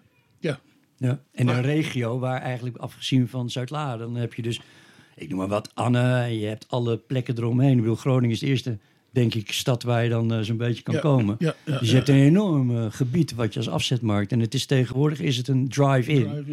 Dus je, je, je rijdt er doorheen en je krijgt hoppakee en je kunt weer door. Moeten, we, moeten we kennen toe, eh, Rens? Ja, Ja, maar ik wil niet zoveel reclame maken van deze shop, want ik ben niet zo heel blij met de eigenaar, geloof ik. Nou ja, kijk, als ik aan eten moet denken, dan moet ik ook meteen denken aan een meeting die ik deze week had. Dat was in een koffieshop in eh, Amersfoort. En sowieso wil ik echt eens een keer een rondje gaan doen in Amersfoort. Want ik al meerdere, door meerdere mensen ben getipt op een aantal koffieshops ervan. Maar één daarvan was de Roots. En ik zeg het er maar bij, omdat ik het eh, gewoon, eh, ik waardeer heel erg een gastvrijheid. Maar het was een, het is een hele bijzondere locatie. Het is echt een, het is langs de bioscoop en langs een, ja, het is een heel mooi huis, losstaand huis. En je zou denken dat het een eh, restaurant is of een, eh, of een wijngalerie of zo. Het is, een, het is een heel chic pand. Een winebar. Maar er zit dus een koffieshop in. Met daarbij een, een hele grote keuken. Mhm. Waar dus de allerlekkerste Sweet. hamburgers worden Oh, gebakken voor je. En nou wil ik dus echt inderdaad wel... Een, eh, ik vind het gewoon mooi dat mensen eh, zulke dingen kunnen combineren. Ja, want even, eh, dat moeten jullie eh, zeker weten uit Noorden. Was er niet in Groningen een tijdje een koffieshop, De Clown volgens mij, die ook, waar je gewoon friet kon halen, wat eigenlijk gewoon een snackbar was, die koffieshop is geworden? Nee, dat was een kroeg, de clown. Of was dat dan de Medley? Want ik kan me wel eentje in Ja. Groningen herinneren waar je volgens mij dat had. Snacks en wiet. Ik zou het niet weten. Oké. Was het gewoon niet de legendarische koffieshop van de P? Ja, nee, want het was niet Nee. in Zuid-Laren. Nee. Dat zou ik nog wel geweten Nee. hebben. Oké. Nee. dat Ik weet wel, Groningen. dat vind ik wel. Ik, ben, ik was laatst ben ik in, in Ragamuffin geweest. Dat is een oude koffieshop. Die zit aan de Noorderstationstraat in Groningen. Dat was altijd een beetje gek en een beetje, nou ja, eh, Misschien was het die wel. groezelig. Kon je de friet halen? Maar ook? nu, nee, nee, nee, nee. Het was reggae, het was een beetje, maar het- nu is het een supermoderne, waanzinnig mooi shopje geworden. Die wil ik even met naam noemen, want die vind ik echt, eh, ja, Shout-out, shout-out. ja, die zijn echt goed, die zijn goed bezig. We Ja. worden gewoon niet eens gesponsord door, hè? Maar toch doen we nee, het maar gewoon, ik noem er zo weer een paar hoor, maar nee. Hoe hadden die Amerikanen nou? Wat voor woord zeiden ze er nou? Ja, free endorsement. Free, Free endorsement. Ja. Ja, mijn shopje blijft toch mooi. Meta. Als ik toch eentje wil noemen, dan is het Meta. Dat, maar goed, dat is omdat ik, Ik zeg daar... shout-out eh, to de metamorfose. Ja. En. Oasis natuurlijk. Dat de oude, oude Nou, de. Meta, dat kan ik dan ook wel even onthullen. Dat is een van de toch niet eh, heel veel coffeeshops in Nederland die eh, Stichting VOC eh, af en toe ondersteunen Ja. met een donatie. Ja. Dus dat is eh, helemaal top. Nou dat ja, daar had je natuurlijk in het verleden had je Theo Buizing die daar heel actief mee was. En die daar heel erg eh, ook eh, gewoon naar buiten toe. Met allemaal ludieke acties. En ik had Theo. Theo, Theo even oprichter aan- van de Vliegende Hollander. Inmiddels al een tijd niet meer betrokken. Maar En van de SVP, hè, de Stufvrij-partij. ja, precies. Nou ja, een, een legend in his own right. Ik denk dat we hem misschien ook nog wel eens een keer in de Nou ja. podcast mogen verwelkomen, Theo. Misschien had die Theo even moeten zitten. Want en Theo, ik denk als die samen gaan zitten, dan komen er allerlei verhalen naar buiten. Want Theo begon al meteen dat, dat, dat, eh, dat het Friese Vierlieppen heet dat geloof ik. Ja. Dat heeft P weer naar Groningen gehaald. Die had zijn eigen editie. Ja, dat noemde ik bongel. En Dat is dat jeppen op zijn Gronings. Ja, een bongel is een dikke stok. En, en, en eh, wuppen, dat is, eh, nou, wippen, zeg maar. maar daar had ik zo'n succes mee. Daar had ik een keer 18.000 man publiek mee. Wauw. Allemaal voor bongelwippen. Ja, en eh, daar achteraan was een eh, gratis toegankelijk concert van Ah. Normaal. Maar dat was het grootste feest wat ik ooit georganiseerd heb. Dat is cool. En daar heb ik toen ook 50.000 gulden aan verdiend. Mhm. Het was vrij toegankelijk. Maar ik zette zo'n 600 vaten bier om. Dus dan kun je wel Dat is vaak de truc, hè? Ja. Ja. Als je, als je gewoon een bier omzet hebt. Ja, daar is het dus. Daar kan je een hoop van doen. Hadden we dat ook Ja. maar gedaan met Cannabis Bevrijdingsdag, hè? Heel veel mensen hebben het gezegd, maar ik ben nog steeds blij dat we dat nooit hebben gedaan. Ja, ja. Want daar krijg ik ook nog steeds goede feedback over. Dat het alcoholvrij was in de zin. Je mocht ook wel gewoon. Dat, we- dat zeiden we ook altijd met een dikke glimlach op uh, Cannabis Bevrijdingsdag. Eh, hoe, hoeveelheden alcohol voor eigen gebruik worden gedoogd. ja. ja. En, en wiet is aan eh, alle kanten gewoon toegestaan. Maar in de VIP werd toch op een gegeven moment wel hennep bier. Was dat toch? Op een gegeven moment? Eh, ja, alleen in de VIP. Ja. En dat, nou ja, dat eh, is een van de meest problematische elementen eh, geweest van Cannabis Bevrijdingsdag. Ja. Want het haalden we uit Italië, dat, eh de cannabis Die bier. leveringen gingen jongen, goed. die kerel die is een keer gecrashed met heel zijn truck. Echt al die, die glazen, ja. die flesjes allemaal kapot. En eh, nee, dat was echt waanzin. En een keer stond zijn spul vast. Ergens bij DHL. Had hij het bij DHL gestuurd, maar die waren dan in het weekend dicht, whatever. Hadden we ook geen bier op dat Nee. moment. Het, heel super aardige jongen, die Italiaan. Maar er was altijd wel iets eh, gekloot met het eh, Hij heeft bier. heel veel pech gehad, ja. Alsof er een soort vloek op rustte dat we dan toch een beetje alcohol hadden, weet je wel. Want Nou, ik vanzelf, ja, waarom niet alcoholvrij ook in de VIP-lounge? Je hebt tegenwoordig ook wijn. Ja, ja, klopt. Ja. Hoe, hoe zien jullie de toekomst eigenlijk? Om, Eh, bij Peter te beginnen. Wat- hoe- Toekomst van de wiet. Van de wiet en van jezelf. In, bij de wiet misschien nog? Ik zie eh, de mogelijkheden liggen eh, voor compleet legale teels. En eh, dat ze dan de ideeën die ik bijvoorbeeld heb, maar er zijn meerdere in mijn omgeving. eh, dat ze dat gewoon eens een keer, dat ze een keer goed luisteren en het goed aanpakken. Hè, en dan ben je van al die problematiek van ripdeals, van weet ik veel wat criminelen, ben je af. Want waarom zou een, iemand die gewoon elke dag moet blowen, niet de mogelijkheid geven om in zijn huis wiet te kweken met gewoon zonnepanelen op het dak? Tuurlijk. Ja, met LED. veilig. Ja. Ja, geen Dan, brandrisico. Daar ben je Zelfvoorzienend. overal vanaf. ja, En dat, zelfvoorzienend. dat zou de toekomst zijn. En dan, dan, dan heb je een hele goede insteek voor, eh, voor het legaal kweken van wiet. Want het is van de zotte dat wij als eerste en enige land in de hele wereld coffeeshops hebben. Maar dat de bevoorrading eh, verboden is. Tja. In die zin, je mag niet kweken. Ja, en nog steeds. Ja. Zover als de wereld al is gekomen en nog steeds hebben we het niet geregeld. Ja. Wat een waanzin. Nou ja, en sterker nog, we gaan alleen maar eh, verder terug. Nou, je zou kunnen zeggen dat, eh, dat- daar hebben we het natuurlijk vaak over in de show. Die wietproef is een, een stapje in de goede richting. Ja. En dat kan gevolgd worden door ineens grotere stappen. Tuurlijk, dat is allemaal mogelijk. Dat eh, ja, blijft koffiedik kijken. Maar ik heb zelf het gevoel, maar ja, dat is misschien ook gewoon omdat ik anders te wanhopig ervan word. Toch wel zoiets van het allerslechtste hebben we achter ons. De tijd met opstelten en teven, met gewoon echt keiharde leugens. En ja, die, die, die opstelten die er gewoon eigenlijk van genoten om te zeggen... al komen er 300 burgemeesters die legalisering willen. Ik ga erover en ik ga het niet doen. Nou, dat hebben we... Ja, in die zin zijn we over de bult, hoop ik dan maar. Ja, Maar dat was dus ook die bijeenkomst. langzaam. Ja, dat was ook diezelfde, ja. bijeenkomst van de VRG, waar Opstelten de voorzitter was. Ja, wat een En dieptepunt. Opstelten was vroeger burgemeester van Delfzijl. Ja. Klopt. Voordat hij burgemeester van Rotterdam werd. En eh, die had ik heel goed kunnen overtuigen. Ik kwam met een zeer goed eh, door, doordacht verhaal. Mhm. Waar niemand omheen kon. Ja, geen gaten in te schieten. Nee. Ja. nee. We meteen nu even een belletje. Beerput Nederland op, opstelt de. Ding. Kijk maar Ja, even. Want ik, eh, het is een gerucht, maar ja, als ik het als zodanig benoem, kan ik het toch wel deze digitale ether in eh, slingeren. Is dat het probleem wat Opstelten schijnt te hebben, nog steeds met wiet en met coffeeshops, dat dat eigenlijk zijn oorsprong vindt in die periode in Delfzijl. Ja. Toen was hij daar de jongste burgemeester van Nederland van Delfzijl. Ah, jullie weten meer? Ja. P, tell me more. Tell us more. Ja, zeker. Nou, ik weet niet meer precies hoe dat zat. Sorry. Nee, ik weet, ik weet dat ik dacht dat het een persoonlijke reden is. Dat hij eh, in zijn familiekringen heeft die met, met eh, gebeuren met, met een drugsverslaafd of iets in die geest. Oh ja? En wat precies de reden dat in Delfzijl, dat daar de oorsprong ligt voor zijn visie hierop? Nee, daar weet ik niks van. Maar ik ben heel lang geleden, dat moet echt zo eh, nog voor 95 geweest zijn, een keer op bezoek geweest in Delfzijl, omdat daar een gemeentelijke koffieshop zou komen Ja. naar Bussums model. ja, Dat klopt. is ook geweest. Ook. En ik heb toen al begrepen dat daar zat al een koffieshop van een eh, Turkse Nederlander en die liep eigenlijk prima.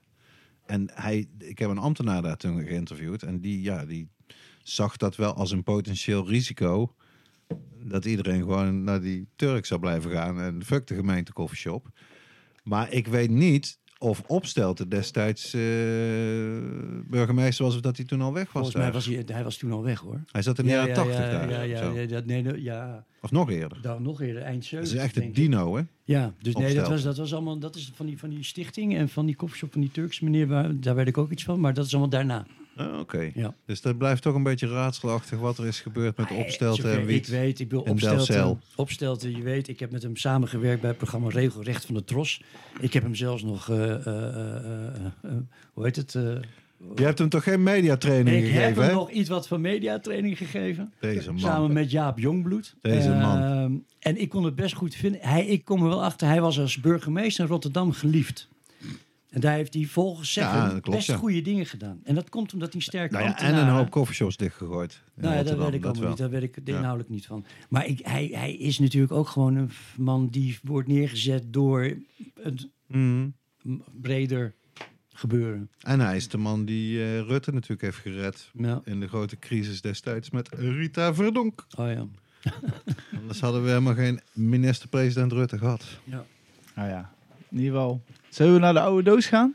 Laten we even naar de oude doos gaan, want dat, komt, eh, ja, dat sluit inderdaad eigenlijk prachtig Nou, aan. nee, maar over de toekomst zei je nog even. Ja, ja, ja, Oh, jouw ja. toekomstvisie. Excuses. Nog Ja. heel even, want ik, Heel goed. want ik heb op een Nou, we hebben de tune nog niet ingestart, dus Gelukkig. we zitten er nog. ja. Nee, want ik heb ook natuurlijk met Hollands Hoop... Ik weet niet of jullie die serie kennen. Ik ben hier volgens mij nu aan het kijken. Ik heb nou eerst twee afleveringen Is gezien. een dramaserie, hè? Volgens mij. Met Dramaserie eh, van witkweken, onder andere. Ja. Witkweken in Groningen. Ja, Marcel Hensema. Oh nee, dat ben ik die andere aan het kijken, die Belgische variant. Ja, die is veel leuker. Ja, die ben ik nu aan het kijken. De... Maar, Hij is nogal zwaar en nogal heavy met allerlei moorddingen erin. Oh, die oké. eh Hollandse hoop. Maar hoe eindigt die? Met Weed World.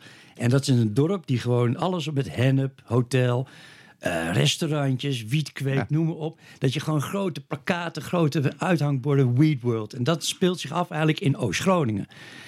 En dat is wat ik dus nu ook vind Ah, eigenlijk een beetje... Kijk, dat we hebben- we zo- hebben dat zie jij Pekela. als toekomst. We Ja. hebben Pekela rij je nu doorheen. Als je nu gaat kijken, dat is één Vol groot. Ja. Allemaal hennep. Ja, allemaal hennep. ja. Dan krijgen die Duitsers weer, die komen weer daar om dingen te willen roken. Nou, dat gaat niet erg werken, maar goed. Hem, flaks en dun agro. hè? Precies, daar side zijn by we nog side. geweest. Dus daar hebben we dat. Vervolgens hebben we John en Ines, hebben we Kwa, uh, Het is dan gewoon weed. Het is er al, dus vervolgens krijgen we nu ook eerst The een cannabis-friendly hotel.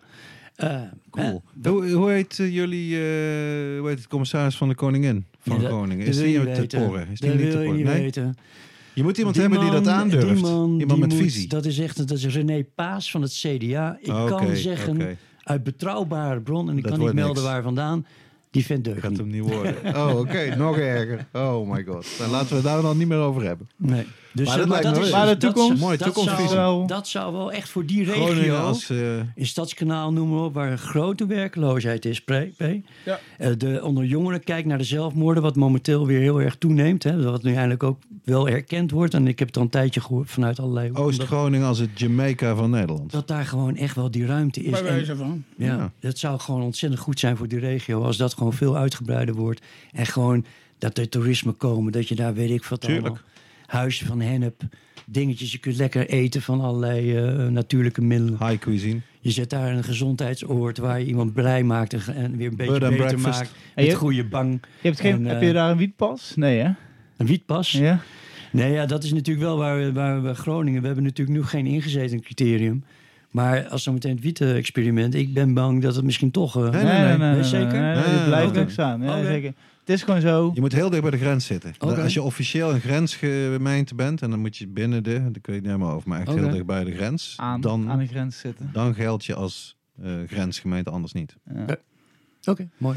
Dus, maar dat betekent gewoon, ik wil de mensen die, eh, gewoon jonge ondernemers of weet ik veel mensen die iets willen gaan eh ondernemen. north, Ga in man. Groningen, laten we daar inderdaad gewoon de wietgemeente van Nederland beginnen. Er is zat plek om te wonen, er is zat plek om te groeien. Ja, Er komen nou eh, niet te veel aardbevingen meer, hopelijk. Hopelijk. eh, de huizen zijn goedkoop nu ze zo onstabiel zijn. Maak je, haal je er voordeel van af. Nee, maar eh, nee, interessant. Ik, eh, we, houden het, we houden het bij. En eh, leuk dat jullie in ieder geval vanuit Groningen helemaal hierheen zijn gekomen. Voor de. Noorden. Ja, Veel plezier. Top. Dirk, maar in ieder geval over Groningen dus gesproken. We gaan eh, met de oude doos verder over dit onderwerp.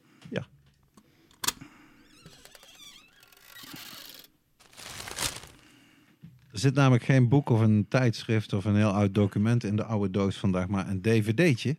Steven eh, zal hem uiteraard herkennen. Dat is de dvd van de achterdeur. Hij is al te sprake gekomen.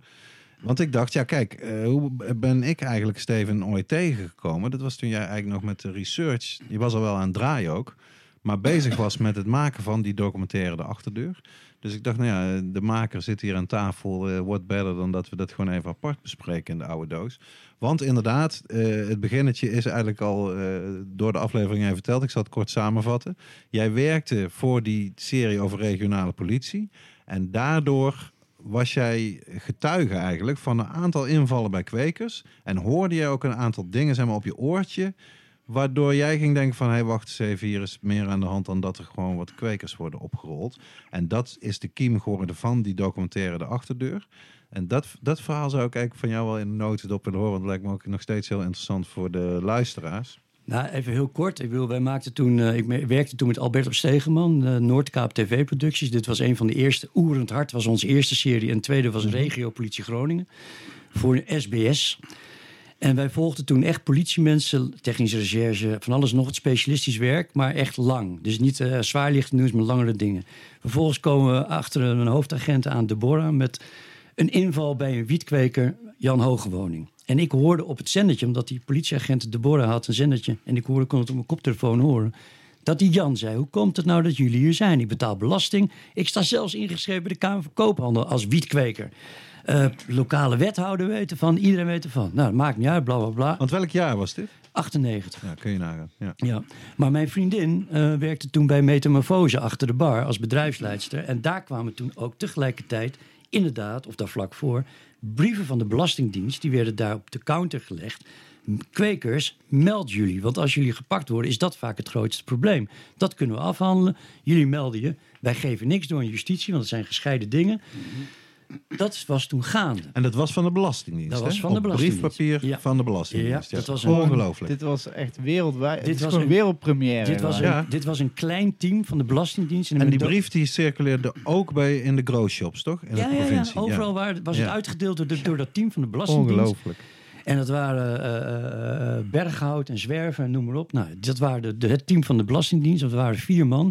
Die hadden hun eigen kantoortje. Ik heb het een beetje toen in die documentaire als de Untouchables neergezet. Mhm. Net zoals toen met, de- met, de- met de drooglegging. Ja. En ook een klein team die de, de beuk erin gooide. Alleen zo, zij gooiden de beuk erin door het juist goed te willen Ja, reguleren. Dus ik hoorde van Paul, bijvoorbeeld Houtgast, de tweede kweker die in die documentaire zit. Ehm, die daar eigenlijk mee begonnen is om die, dat contact te leggen met de Belastingdienst. Maar ook iemand die meedeed aan die Belastingdienst-experiment was Challing en Frederik van Bedrokan. Die waren ook daarbij betrokken. Dus die zijn als enige daar echt goed uitgekomen. Oké. Hier willen ze het niet over hebben, maar het is wel zo.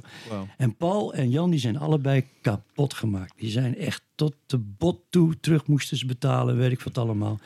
Terwijl ze expliciete zwart op wit garanties hadden dat ze niet doorgegeven zouden worden aan justitie. Jan Ja. Hogewoning, die is van, tot de dag van vandaag zo verbitterd. Die, zei, die zegt gewoon, ik werkte voor de overheid. Ja, ja. En eh, toen is op een gegeven moment, nou ja, Zembla is toen een keertje gekomen, of ik weet niet meer, eh, een van die actualiteiten over dat mensen hun vechthonden en wapens konden aftrekken van de Belastingdienst. Toen begon het al wat te spelen. Vervolgens kwam Wim van der Kamp en nog wat andere landelijke politici, die kwamen erachter dat dit speelde in Groningen, die Belastingdienst. Die zijn vragen gaan stellen, want die wisten helemaal niets vanaf. En toen moesten ze op een gegeven moment het hele zaakje overboord gooien, omdat de wetgeving werd veranderd dat nu elke criminele activiteit wel gemeld zou moeten worden na aan justitie.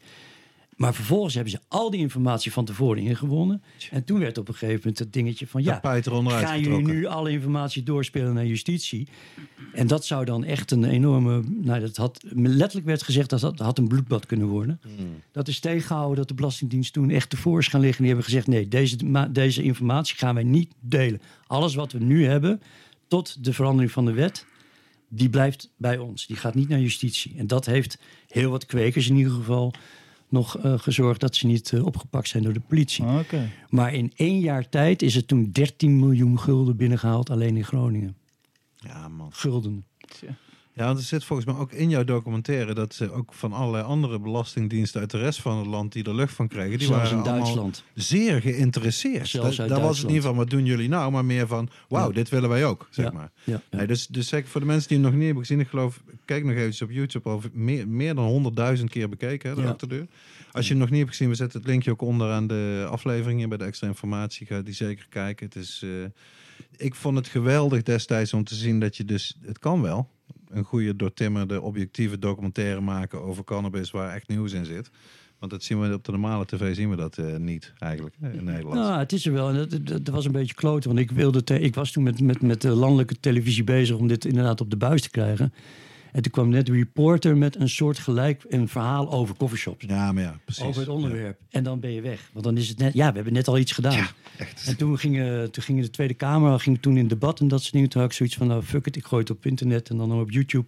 En dit moet gezien worden. Ja. Dus zo is het gegaan met Chris uh, Garrett. het is niet nog steeds te zien op YouTube, toch? Ja, ja. ja, Ja, dan- ja, ja. We zullen de link zeker eh, eronder gooien. Zeer interessant eh, voor iedereen om eens eh, nog eens een keer terug te kijken. En dankjewel voor deze toelichting, Steven. Gaarne, gaarne.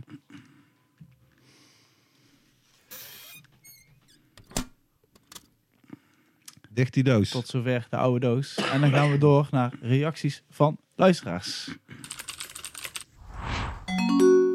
En deze rubriek kiezen we elke keer aflevering een leuke reactie van de luisteraar. Die we belonen met een mooie prijs van de sponsor van de show. En dit keer Seedstockers. Eh er zit dus ook vaak een t-shirt maat bij. Dus, eh, eh, dus vergeet af en toe niet je t-shirt maat bij. Al vraag ik het je altijd nog wel als dat nodig is. Maar je kan sowieso altijd reageren of een suggestie geven op deze podcast. Eh, doe dat via de mail. Je kan sturen naar of via onze social media's. Dan komt het altijd binnen. En wij vragen de, vroegen de vorige keer en ook via Instagram vroeg ik welke gast of welke gasten we echt zeker zouden moeten vragen. En eh, daar hebben we weer wat leuke suggesties eh, voor gevonden. Of doorgekregen. En de leukste, en of in ieder geval iemand die ik de denk... lucky winner? Wat ik denk van, nou, dit is zeker iets wat ik eh, heel graag ook een keer zelf wil bespreken. En de, de suggestie komt van Patex en, via Instagram. En hij zegt, jullie zouden een keer een advocaat moeten uitnodigen. Oh ja. Eh, want het lijkt zeer eh, eh, interessant. En die kan ons misschien ook vertellen als een keer wat je moet doen als de politie op de deur staat. Voor je. Uitstekende suggestie. Dus, ja, gaan we zeker doen. Dus nee, dus ik, ik zorg in ieder geval dat deze meneer die podcast of de spulletjes bij krijgt. Top. Ehm, laten we gaan naar onze laatste, laatste rubriek. Wijze woorden. Wijze woorden. Ja, normaal, eh, ik kies altijd een, eh, een, een citaat, een aantal wijze woorden die ik al jarenlang verzamel in mijn eh, rode opschrijfboekje. Deze keer is het niet een citaat van een, eh, van een persoon, maar een volkswijsheid. Die stond er ook ergens tussen. Ik denk, oh, die is eigenlijk wel toepasselijk. En die luidt, wie uit het noorden komt, liegt niet. Wie uit het zuiden komt, grieft niet. Grieft niet. Ik ben wel benieuwd, eh, zijn jullie het daarmee eens, eh, Noorderlingen? Nou, wij als Noorderlingen zijn heel kort voor de kop. Met heel weinig woorden zeggen we heel veel. En eh, de Noorderlingen die staan heel nuchter in het leven. En ja, de Zuiderlingen ook wel. Maar jullie hebben hier carnaval. Dat hebben we in het noorden maar in één plaats. En, eh, Twee. maar, maar de mensen weten wel eh, eh, van wanten in de provincie Groningen. En de Groningers zijn eerlijk en oprecht. En ze worden vaak niet begrepen. Oké, nou ja, dat, dat, dan klinkt het toch nog wel. eh, ja, dat klinkt, past goed bij de volkswijsheid. Wat denk jij, Steven? Ja, ik ben, ik ben het eh, Kloosterburen en Vlagwedde. De, de twee carnavalsplekken. Maar, De bekende metropoolsteden. maar het is... Nee, Klo- dat is Kloosterburen en Ter Apel. Ah ja, nog beter. maar ik ben het absoluut met P eens. Ik bedoel, eh, in Groningen zijn ze recht toe, recht aan in die zin. Eh, ik heb ooit iets gedaan in mijn leven waar dingen... Ik, ik heb ooit iets verkocht, huisjes in- op Gran Canaria. En dan kreeg ik mensen uit het zuiden. En dat, ik, ik- je kon ontzettend goed zien wat de verschillen waren. En die zeiden altijd prachtig, prachtig, prachtig, prachtig, prachtig, prachtig. Een uur lang, een uur lang. En dan vervolgens zeiden ze nee. En Ja. het zuiden. En het Groningen die zeiden, ik moet er niks van hem wegwezen. ik denk in het kort gezegd is een beetje het verschil. Ja, ja mooi. mooi. Oké, Dat eh, brengt ons wel tot het einde van deze aflevering 46 alweer van de IT Podcast. Zeker ik wil weten. iedereen eh, bedanken, vooral onze gasten, P. Lange en eh, Steven Kompier. Graag gedaan. natuurlijk Ja, ook met dank, heel veel plezier. dank aan de sponsor van deze aflevering. Dat is Seedstockers, betaalbare cannabiszaden voor thuiskwekers. Verkrijgbaar via www.seedstockers.com. Ja, en vergeet al- alsjeblieft niet om ons te liken of te delen, te sharen. Abonneer bij ons op onze Soundcloud Aan te of eh, bevelen bij YouTube. vrienden en ik familie. Ik vraag het eigenlijk te weinig, maar ik moet het toch wel eh, doen. Dankjewel allemaal en eh, tot de volgende keer. Houdoe. Howdy. More.